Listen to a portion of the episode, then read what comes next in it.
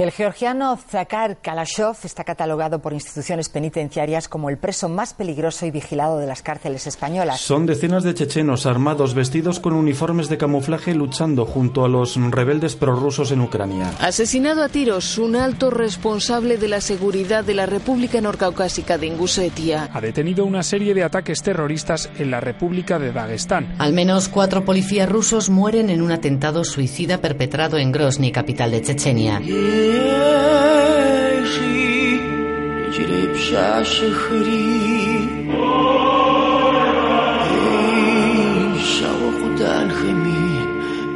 Chechènia i per extensió tot el Caucas només ressonen els grans mitjans com paraules com ara assassinat, màfia, terrorisme, guerra o islamisme entren en joc al tauler dels incidents.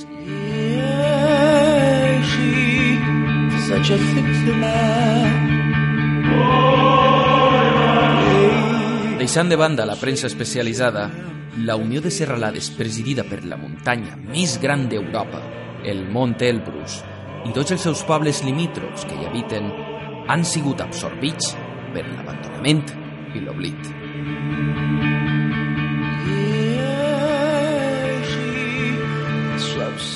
Perquè encara és ben patent l'orientalisme cap a territoris suposadament arcans, englobats en el simplisme general d'aquell que no entenia la diferència entre un soviètic i un rus i que a hores d'ara diu Rússia és Moscou, Sant Petersburg i bé, la resta no és res més que Sibèria.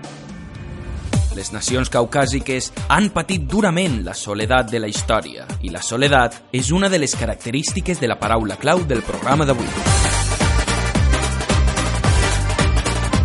No veig millor forma de començar aquest abecedari programàtic que endinsar-nos en el món del lladrocini i dels herois, del misteri i l'aïllament, dels impassibles, rebels i desconeguts àbrecs.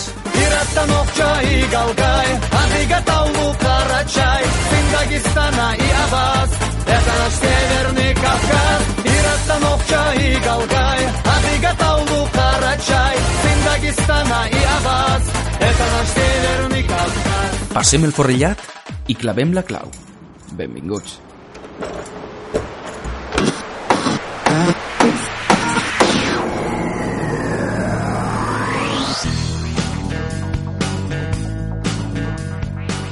La paraula clau.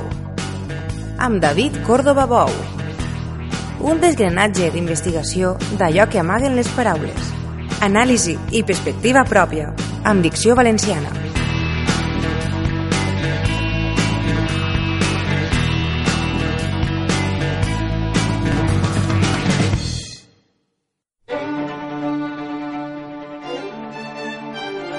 Al segle XI, Al-Bakri, el geògraf andalusí més important de l'Occident musulmà de l'època, va designar el Caucas com a la muntanya de les llengües.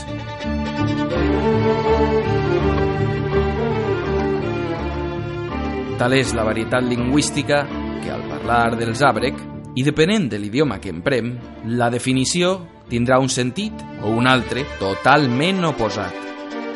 I és que avui encara es parlen a la regió vora 50 llengües de famílies, alfabets i tradicions totalment diferents.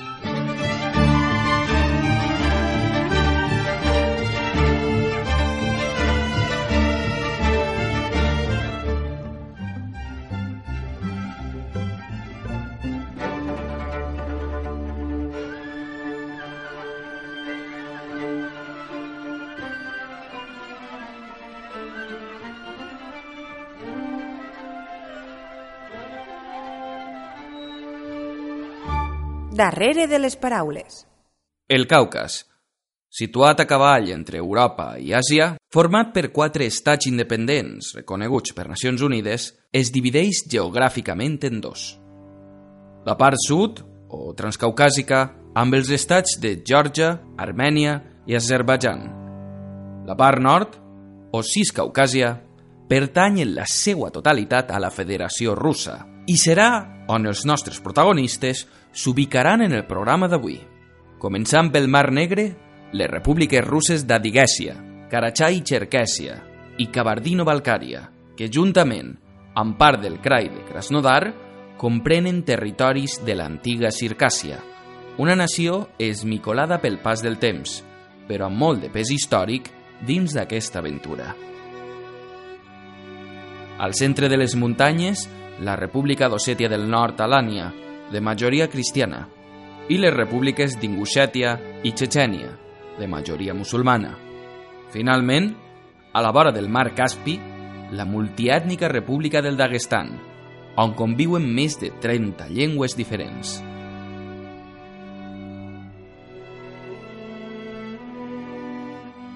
Les repúbliques no són en cap cas uniformes. És un fet comú a la majoria de territoris de la Federació Russa. L'ortodòxia cristiana comparteix espai amb l'islam, budisme, judaïsme, paganisme, entre altres. Allà conviuen societats de famílies lingüístiques caucàsiques, indoeuropees, turqueses, perses, d'entre moltes altres. I per descomptat, eslaus, majoritàriament russos, però també ucraïnesos, cosacs i bielorussos. Tota aquesta diversitat ha donat peu des de fa anys i panys a rebomboris territorials entre clans i conqueridors, entre conquerits i ràtzies de revoltats. Els conflictes venen de lluny.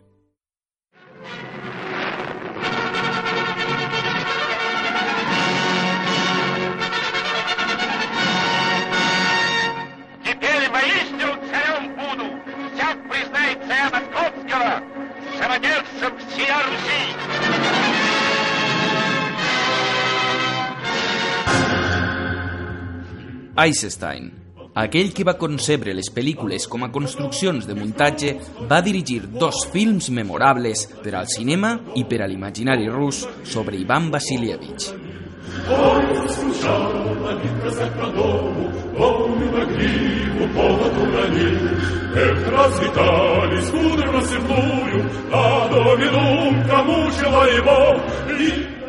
El relat transcorre al 1552, quan el tsar Ivan, el terrible, va expandir el seu imperi direcció cap als canats tàrtars de Kazan i Astrakhan.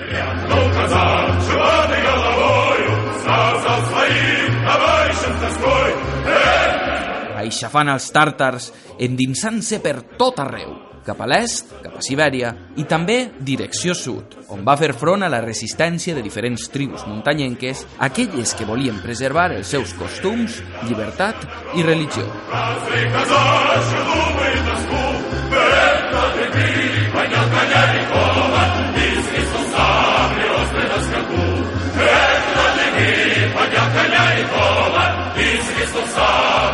это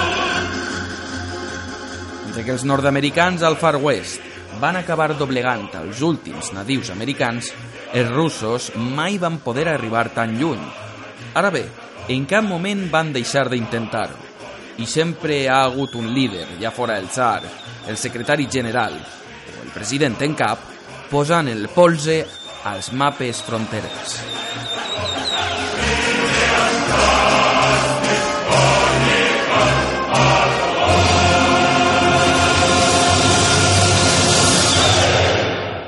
Els tsar Nicolau I, així com Alexandre I i II, van orquestrar un genocidi contra el poble circassià fa ara més de 150 anys a la guerra russo-circassiana.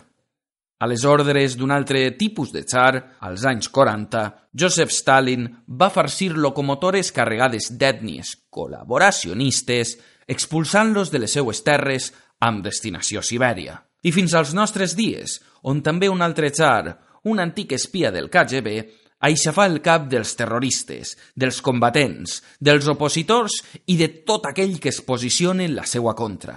Tots ells, si bé separats per la història i els ideals, sembla ser que tenen un enemic comú. A banda de geogràfic, econòmic i cultural, és fonamentalment religiós. Com que els àbrecs més significatius són txetxens i circassians, farem un incís en la història d'ambdós pobles.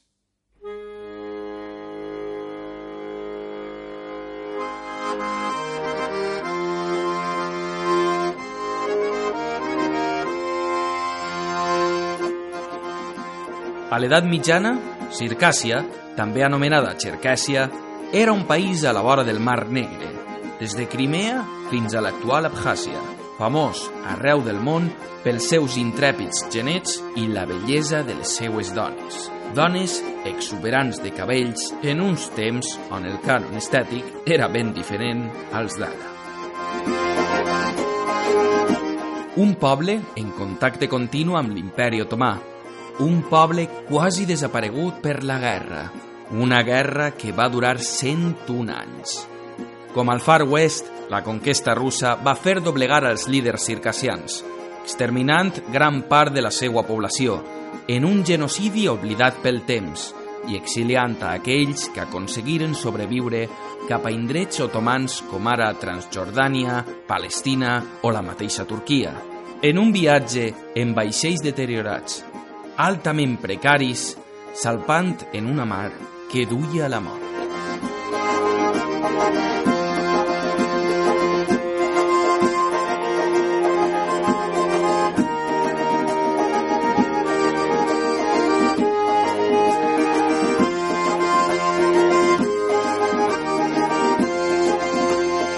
Efectivament, una història que es repeteix en l'actualitat. Ja ho deia Ovidi Montllor, el món no avança, gira.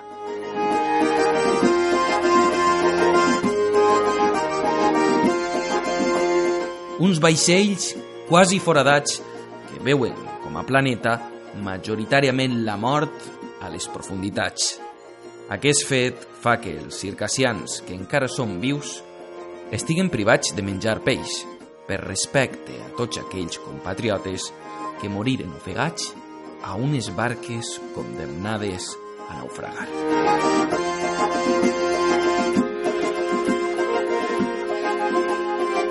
A hores d'ara, hi ha més circassians vivint fora que dins de les fronteres russes, i tot i això encara mantenen tradicions així com la seva llengua. Des del seu exili, molts han sigut els càrrecs polítics i militars de circassians al llarg de les terres del Llevant de l'Orient Mitjà, des d'Egipte fins a Síria, i fins i tot han sigut part de l'exèrcit polonès. Una diàspora circassiana que és, a hores d'ara, la guàrdia personal del rei de Jordània, Abdullah II. Una diàspora conscient que comença a despertar un desig de tornar a la terra dels seus ancestres. Nalchik, la capital de Cherkessia, està transformant-se en un lloc de confluència reivindicatiu. Els Jocs Olímpics d'hivern de Sochi tímidament van ser una plataforma per a la reivindicació nacional, que treballa en recuperar la seva llengua, una llengua molt dialectalitzada i de les més difícils del món. Personalment, crec que la següent cançó és formidable. Parla de la llengua, de la llengua dels xerquesos, i comença dient «Si el teu idioma vola lluny com un pardalet, vola darrere d'ell i agafa'l de nou. Si s'escapa als nostres joves, cava la teua tomba i seu damunt d'ella». Уи бзэр бзууэ пӀэщӀэкӀамэ, кӀэлъылъати къэпхъуэтэж. Ар уи щӀэблэм Ӏурыпчамэ, къэтӀи мащэ итӀысхьэж.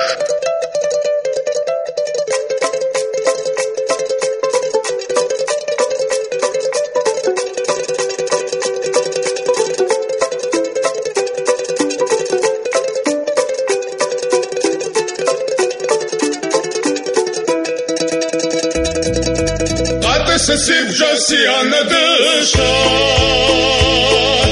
وشب و رجا قزا و شاشا سبسا و سیار عرسیان هبزاش عرسیان هبزا سیادی هبزاش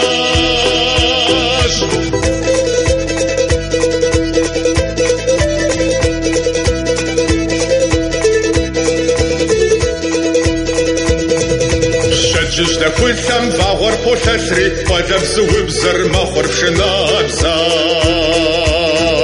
Бзум ябзэ дахэр слӏощ си анэбзэ, ар си анэбзэ, си адыгэбзэ. Къэпысысипкӏэ си анэдыщэ, ущэхъуэрэджэ къызэӏущащэ. savaşıyor Arsiyan habzaş Arsiyan habzas yadi habzaş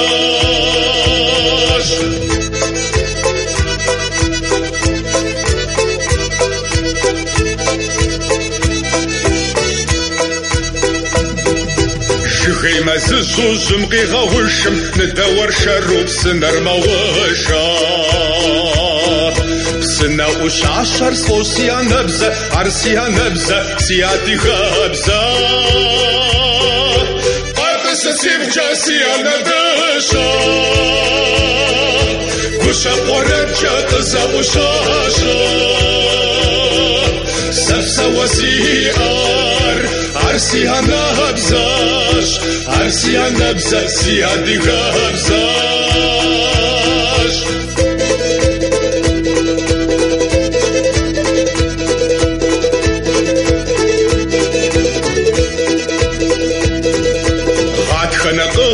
خنقغم شر يغبساشو والخربة بغو بزرشاتم شلتم ورثر صوصيا نبزة عرسيا نبزة سيادي خبزة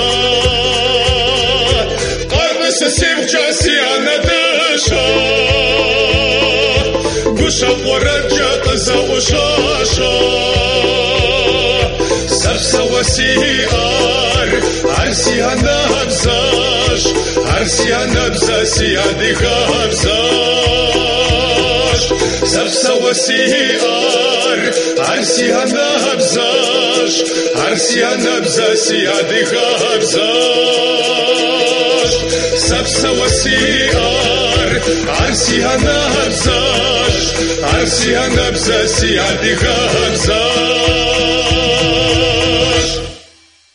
Deixem ara la vora del Mar Negre per posar l'esguard en direcció a Solza Gala, internacionalment coneguda com a Grozny, la capital txetxena fundada per Alexandre I, que en rus no significa una altra cosa que aterrador, temible, imponent. Els txetxens, com tots els pobles nord-caucàsics musulmans, tenen una història semblant pel que fa a les relacions històriques amb Rússia. No obstant això, en l'actualitat i pel contrari als circassians, els txetxens són àmplia majoria a la República Federal Russa de Txetxènia.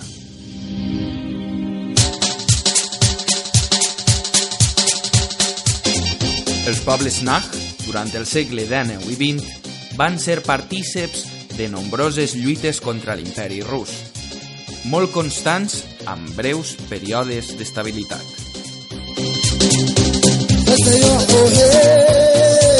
A la URSS, els txetxens no van gaudir del privilegi de formar una república soviètica, sinó d'una república autònoma, és a dir, d'un nivell d'autocontrol inferior al de les repúbliques federals. I és amb la dissolució de la Unió Soviètica als 90, amb la declaració d'independència com a República Txetxena d'Ichkèria, quan el seu nom ressona als periòdics i corresponsals de guerra.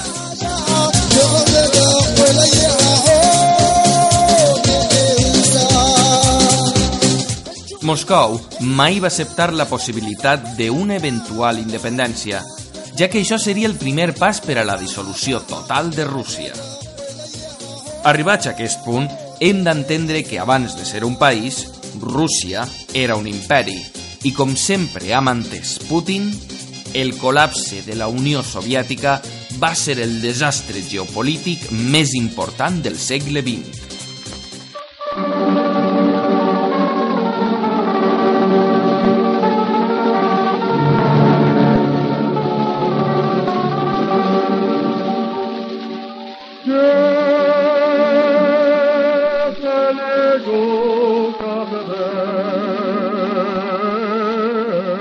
Comença així la Primera Guerra Txetxena i amb la conseqüent derrota russa, en uns temps de perestoica on l'honor patri quedava més danyat encara.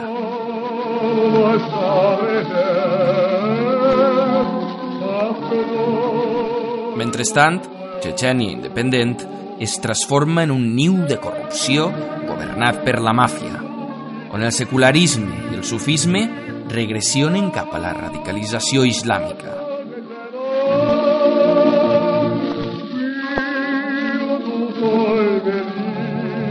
Amb l'arribada de Vladimir Putin al Kremlin, es retorna a Chechènia, amb una segona guerra txetxena, on els russos, aquesta volta sí, esclafaren els txetxens.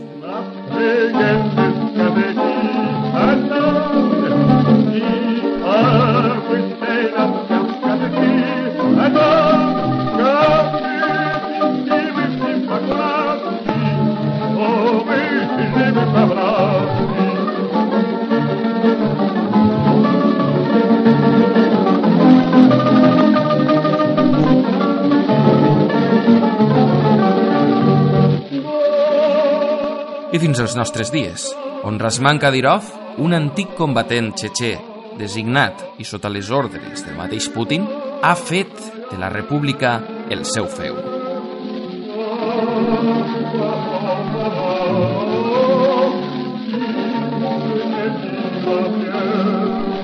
Guerres sagnants per als dos bàndols, radicalitzant cada vegada més els combatents caucàsics amb l'islamisme com a base de la lluita. Atemptats contra civils horripilants, sàdics i menyspreables, com la presa d'hostatges del teatre Dubrovka a Moscou o la matança de xiquets a l'escola de Beslan a Ossètia del Nord, o sentencien. I mentrestant va assentant-se sense remordiments l'opinió d'una societat russa que a poc a poc sentencia. Els txetxens són gossos, però són els nostres gossos.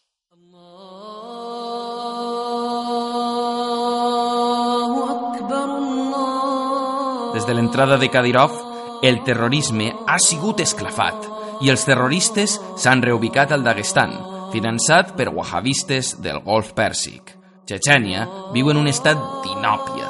Kadyrov s'ha fet seus els escrits del profeta, ha construït la mesquita més gran de Rússia i transformat en una mena de mir caucàsic desenfrenat, on les desaparicions de civils són un fet comú. Desaparicions com la de la periodista Anna Politovskaya, qui era veu i ulls del que allà ocorria fins que va ser assassinada. Tot ocorre sota la lluna de Grosny, com relata el grup barcelonès Trencabant al seu primer àlbum, amb sorra a la mirada, sota la lluna de Grosny. He estat passejant per la ciutat vella i el món m'ha semblat com una bandera que no té color.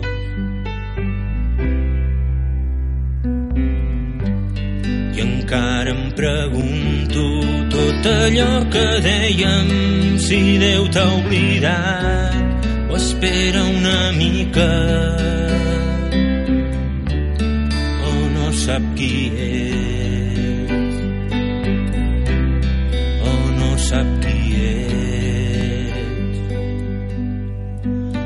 jo un calaix em surt un poema que et va fer plorar com una princesa. Que ho ha perdut tot. Que ho ha perdut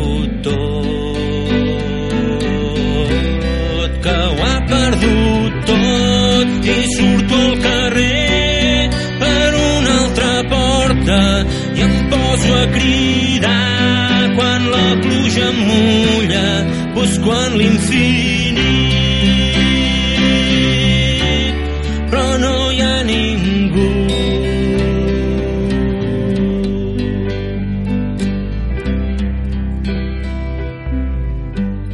Però res no ha canviat la nit no s'acaba just al teu costat esclata una guerra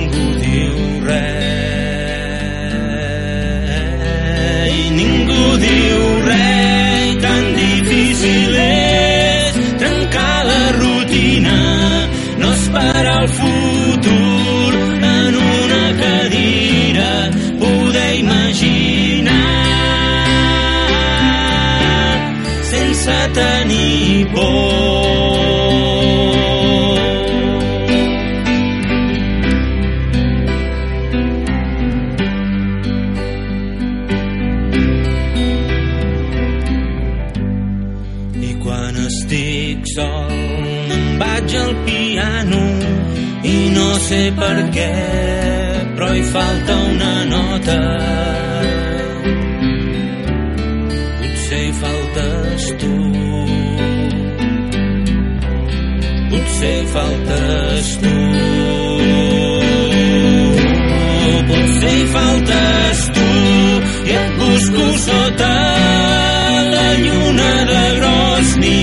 La sort no existeix quan la nit se'n menja.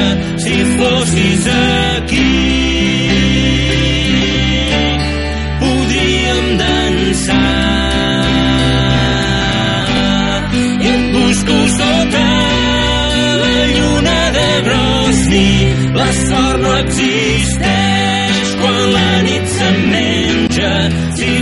fossis aquí, podríem dansar.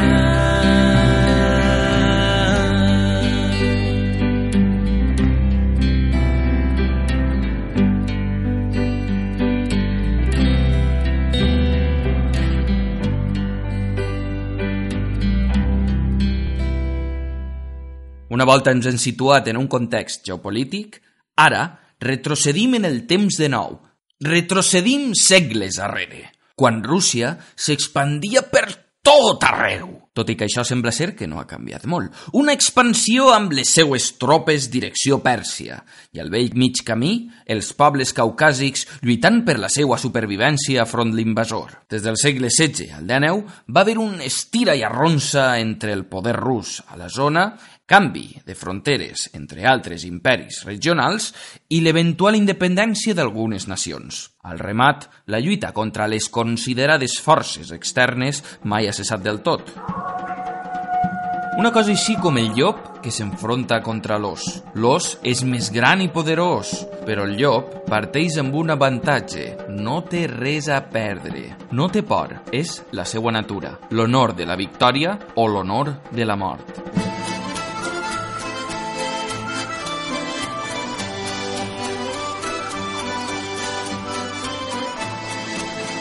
El llop és el símbol de la bandera txetxena, com l'àbrec és un ésser solitari, sense por, sense casa. I ara sí, després d'una entre cometes breu però extensa síntesi exposada, ara parlarem dels àbrecs.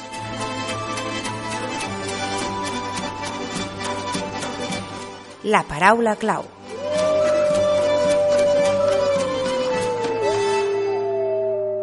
La paraula àbrec, depenent de l'idioma que emprem, té significats oposats. El per què? Perquè varia segons el prisma en el que es veu. Originalment, l'hebraic sembla ser que prové de la llengua osseta, llengua d'origen persa i vol dir bandit. Accepció interioritzada també per la llengua russa, que veuen els àbrecs com a lladres sanguinaris, mentre que per una altra banda, en llengües ingusha i txetxena, significa venjador. En circassià o en karachai, persona valenta. Paraules que, com els punts de vista, poden arribar a ser cara i creu. Etimològicament, en termes bíblics, àbrec, en arameu, vol dir postrat a Déu, engenollat davant Déu. Significat que, efectivament, s'adapta inequívocament al context del personatge. En una societat de taipes, de clans històricament pagans, les venjances familiars a les muntanyes caucàsiques estaven a l'ordre del dia. Si més no, encara són patents. L'enemistat sorgida pel vessament de sang entre clans o famílies no tenia res d'envejar a d'altres més conegudes com les perpetuades a la vora de la mar Tirrena per napolitans o corsos. Quan es cometia un delicte de sang, el perpetrador feia un jurament, un jurament que podria durar anys o inclús no acabar mai. Com un llop estepari, però a un escenari de pics nevats i rius braus, feia front a la por i renunciava a qualsevol contacte amb família o amics, així com als plaers carnals. A partir d'eixe moment es transformava en un àbrec, una vida solitària de plegària a la inexplorada natura salvatge. Entre els segles XVI i XIX, l'àbrec viu la incomunicació en estat pur, moments de comunió amb els animals.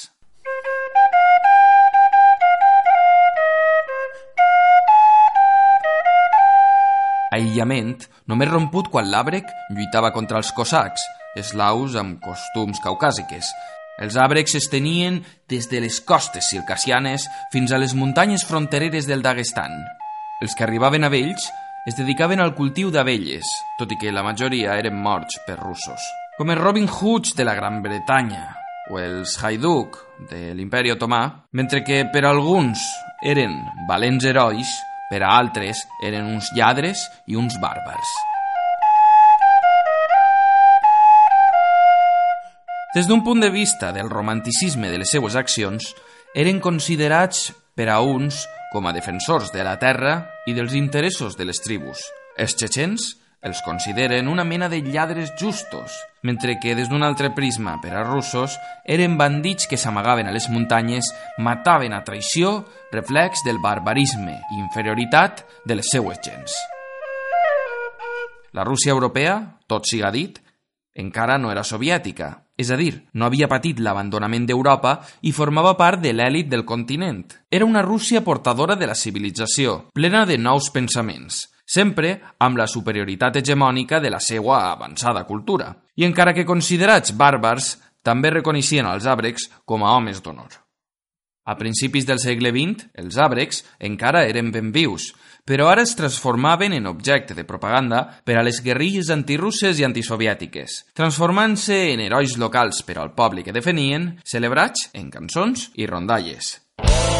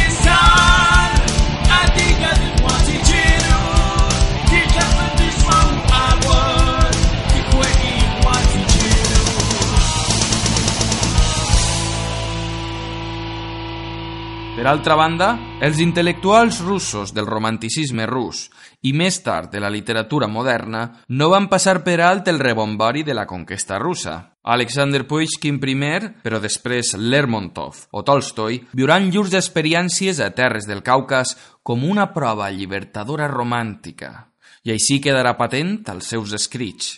Puishkin relata a la seva poesia el paisatge de les muntanyes del Caucas com l'escenari i símbol de la solitud de l'enamorat, de l'home lliure i desarrelat, de la puresa de l'home.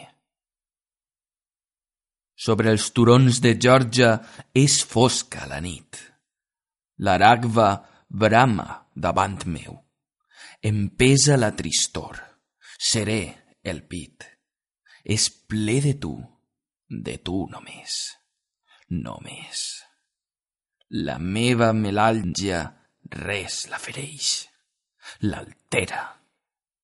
I el cor, de nou encès, un altre cop estima, perquè no estimar no pot de cap manera.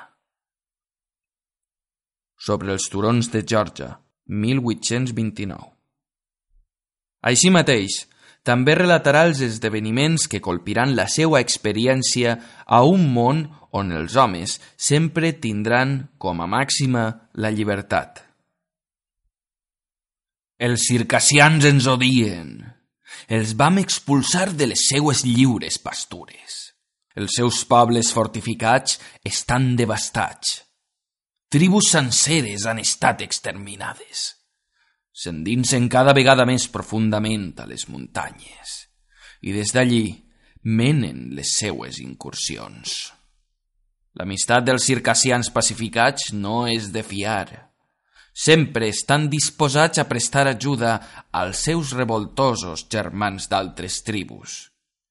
Què es pot fer amb un poble així? El viatge a Arzum, 1829. Tolstoi, com molts altres, retrataran la persistència del conflicte representant la imatge del poble tan orgullós com rebel, que, ben allunyat de la cultura occidental representada pel tsar, que ja llavors era podridament burguesa i decadent, s'enfronta amb un invasor tan refinat com brutal. No parlaven de l'odi que experimentaven pels russos, el sentiment que embarga els txetxens, des del més petit fins al més vell, era més immens que l'odi. No concebien que els russos fossin persones, i la seva repugnància i indignació davant aquella crueltat era tals que desitjaven exterminar-los com les rates, les aranyes verinoses o els llops. Era un sentiment natural, com l'instint de conservació. Ahadi Murad, 1896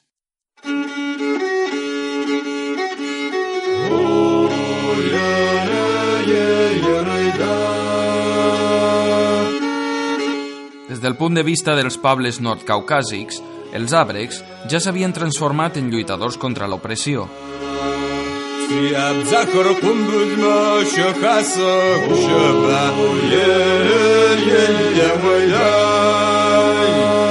El més famós d'aquella època va ser Zeliham, Zeliham Gusmazuko, un personatge real envoltat de llegendes, cançons i fins i tot una pel·lícula no acabada. Una espècie de bàrbar heroic, heroi i símbol nacional de Chechenia.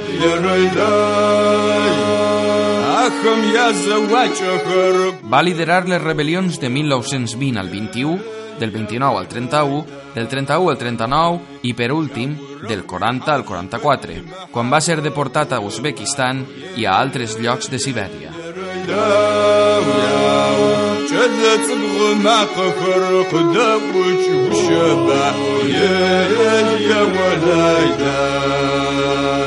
Hasuji Magomedov, l'últim legendari àbrec, va escapar de la deportació del 1944 i va lluitar amagat a les muntanyes contra els soviètics fins que va ser abatut a finals dels 70 quan ja tenia 70 anys. En l'actualitat, encara són símbols nacionalistes per als aborígens del Caucas i un malson per al nacionalisme rus. La inestabilitat mundial a nivell econòmic, polític i social poden encendre de nou una zona que mai ha viscut en pau. Chechenia ha viscut de subvencions durant els últims anys. El Kremlin no pot continuar finançant la pau a causa de la caiguda del preu del petroli i la feblesa de la seva moneda. Un polvorí que sense diners s'encendrà possiblement. La situació al Daguestan tampoc és la més òptima.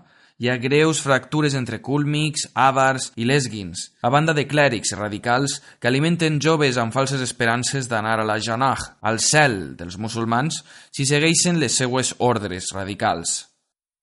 A l'altra punta de la serralada, les Olimpiades d'hivern de Sochi, a banda de ser les més cares de la història fins al moment, han fet rebufar la diàspora circassiana. I fins i tot els circassians siris busquen protecció del govern rus per ser acceptats no només com a refugiats, sinó com a retornats.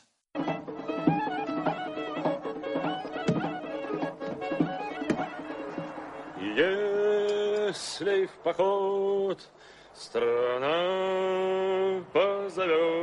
Empresonats a la mateixa història, com el presoner del Caucas, un títol recurrent a la literatura russa. Pushkin va inspirar un ballet i una òpera amb el mateix títol. Més tard, Mermontov i Tolstoi també van escriure llurs treballs amb el mateix nom, sense oblidar-nos de la pel·lícula candidata a l'Oscar, amb eixe nom, adaptada d'un text de Vladimir Makanin i escenificada als nostres dies, que és també molt recomanable.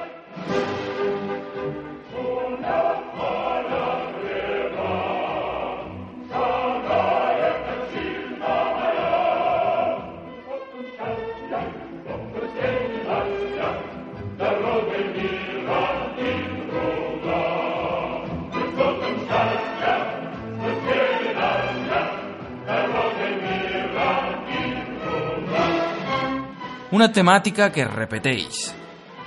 Perquè arribats a un punt on els presoners de les muntanyes no són únicament els txetxens, els lesguins, els cabardins o els xerquesos.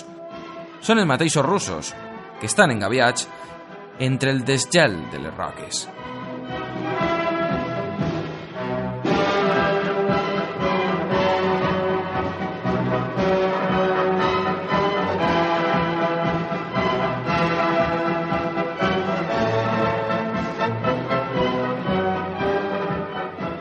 En clau multimèdia. En clau multimèdia és una secció amb material audiovisual. I tot i haver una pel·lícula antropològicament recomanable, anomenada Abrexaur, un film mut soviètic del 1926, les recomanacions del programa d'avui aniran per altres camins. Per a aquells interessats en indagar més sobre la història contemporània de Chechènia i que encara esteu parant l'orella, us tinc seleccionats dos documentals tan durs com imprescindibles.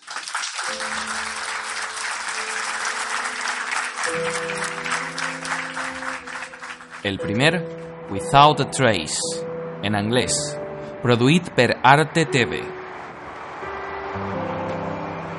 A police state that resembles a Potemkin village where the new man is reborn. A city of glass and ceremony that makes believe the traumas of war have been erased. Tracta sobre les desaparicions de la Chechènia de Kadyrov i com la República Russa s'ha transformat en una mena de Dubai de plàstic, tot embadurnat d'avingudes batejades amb els noms dels generals russos que massacraren els txetxens. Yet violence is on the increase. The regime arrests thousands of young people in its struggle against what it calls terrorists. The hunt for the enemy is becoming increasingly arbitrary.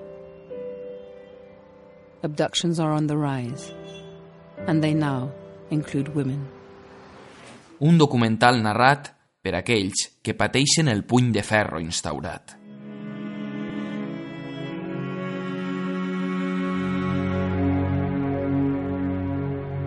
Ну, Я думал, что, наверное, из-за грехи, ну, если подумать, то какие могут у двух двухлетних, там, трехлетних детей быть грехи. Но они еще только начали жизнь.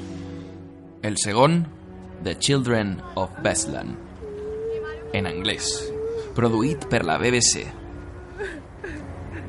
Бабуля заплакала и сказала, ребенка отпустите, а я сама зайду. Она, а он сказал, нам старухи не нужны, нам дети нужны. Testimoni directe dels xiquets que van viure l'assalt terrorista txetxè a l'escola número 2 de Beslan, a la República d'Ossètia del Nord. Я остался жива, мама умерла. Я не знаю почему. Les sensacions d'aquell fatídic dia de classe en un document tan esgarrifós com recomanable.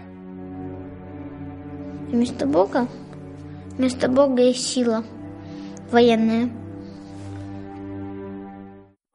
La incertesa s'apodera del futur. Mentre es feia recerca em vaig trobar amb un estudi de l'Universitat de Colúmbia. el doctor John McWhorter deia que en 100 anys vista totes les llengües natives del Caucas desapareixeran. Tot i ser pessimista, també sóc conscient d'aquells que lluiten, d'aquells que estan en actiu i que defensen la seva identitat.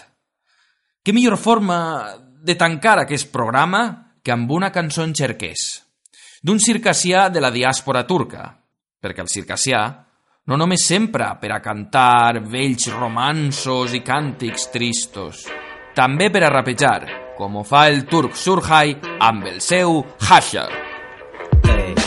Դղշ խամ գջա արփսա մի փենապս բզարշա բզարշա սար կոդմ япас նիգիժաուա ումշ զգոր գծխոմ շանումը շամը շակ բուշպ սոնր փեջու լաբս դլատաս դղամ խոֆ ու նիգի դլատաս դի աշտմր գուզաս նիգի դի շարqa атас սա օշ համախ սանարտ սանավ սա սոսրqa սա ամալած ումվա դիգի ղագ դիդեգա ղաժ ում Gott Spatzek Zgash amarja Sib zara ushishina Jisr shinawa Waham wenda O yawa dipshinawa Jiyawa la perisam Ява урысым, ява гоовам, ява уигум пырысым, данга дыплэми дылъагъо щэкум инэку раулӏо пшӏэныр уикӏо дыхьын узрысым. Кӏат сыхьэр дыӏыгъу тигуэжьэ дыхьэпӏэмкӏэ, тыдэмхьэжьу дыпсэунымэ пшӏыхьэпӏэмкӏэ, уи щхьэр къэп ӏэцу уи кӏапсэр пыгу пшӏушӏыхьэн игимэ плъагъу нэху пшӏыхьэпӏэмкӏэ, кӏат сыхьэр дыӏыгъу тигуэжьэ дыхьэпӏэмкӏэ, тыдэмхьэжьу дыпсэунымэ пшӏыхьэпӏэмкӏэ, уи щхьэр къэп ӏэцу уи кӏапсэр пыгу пшӏушӏыхьэн игимэ плъагъу нэху пшӏыхьэпӏэмкӏэ. Унафэкъэ тхуэмыщхь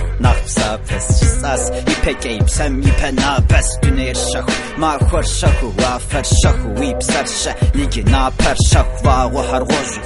Уцифэм ишӏуӏур, идогъэкӏэвагъуэхьэр, фащэм ишӏуӏур, зы, тӏу, шы, лӏы, тху, хы, блы, цӏыху шхуэпӏыр, гъупщхьэрэ, дэху, нитӏэ, лы.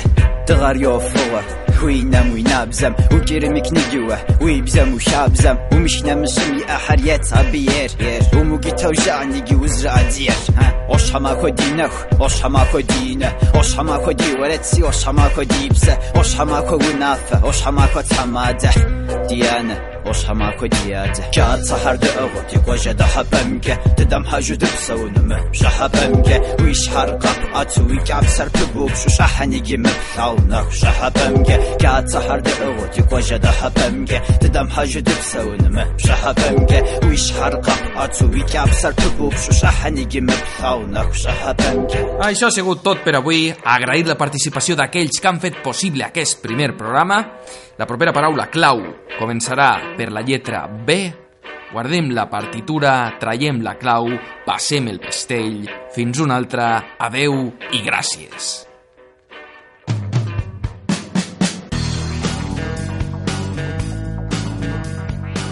La paraula clau.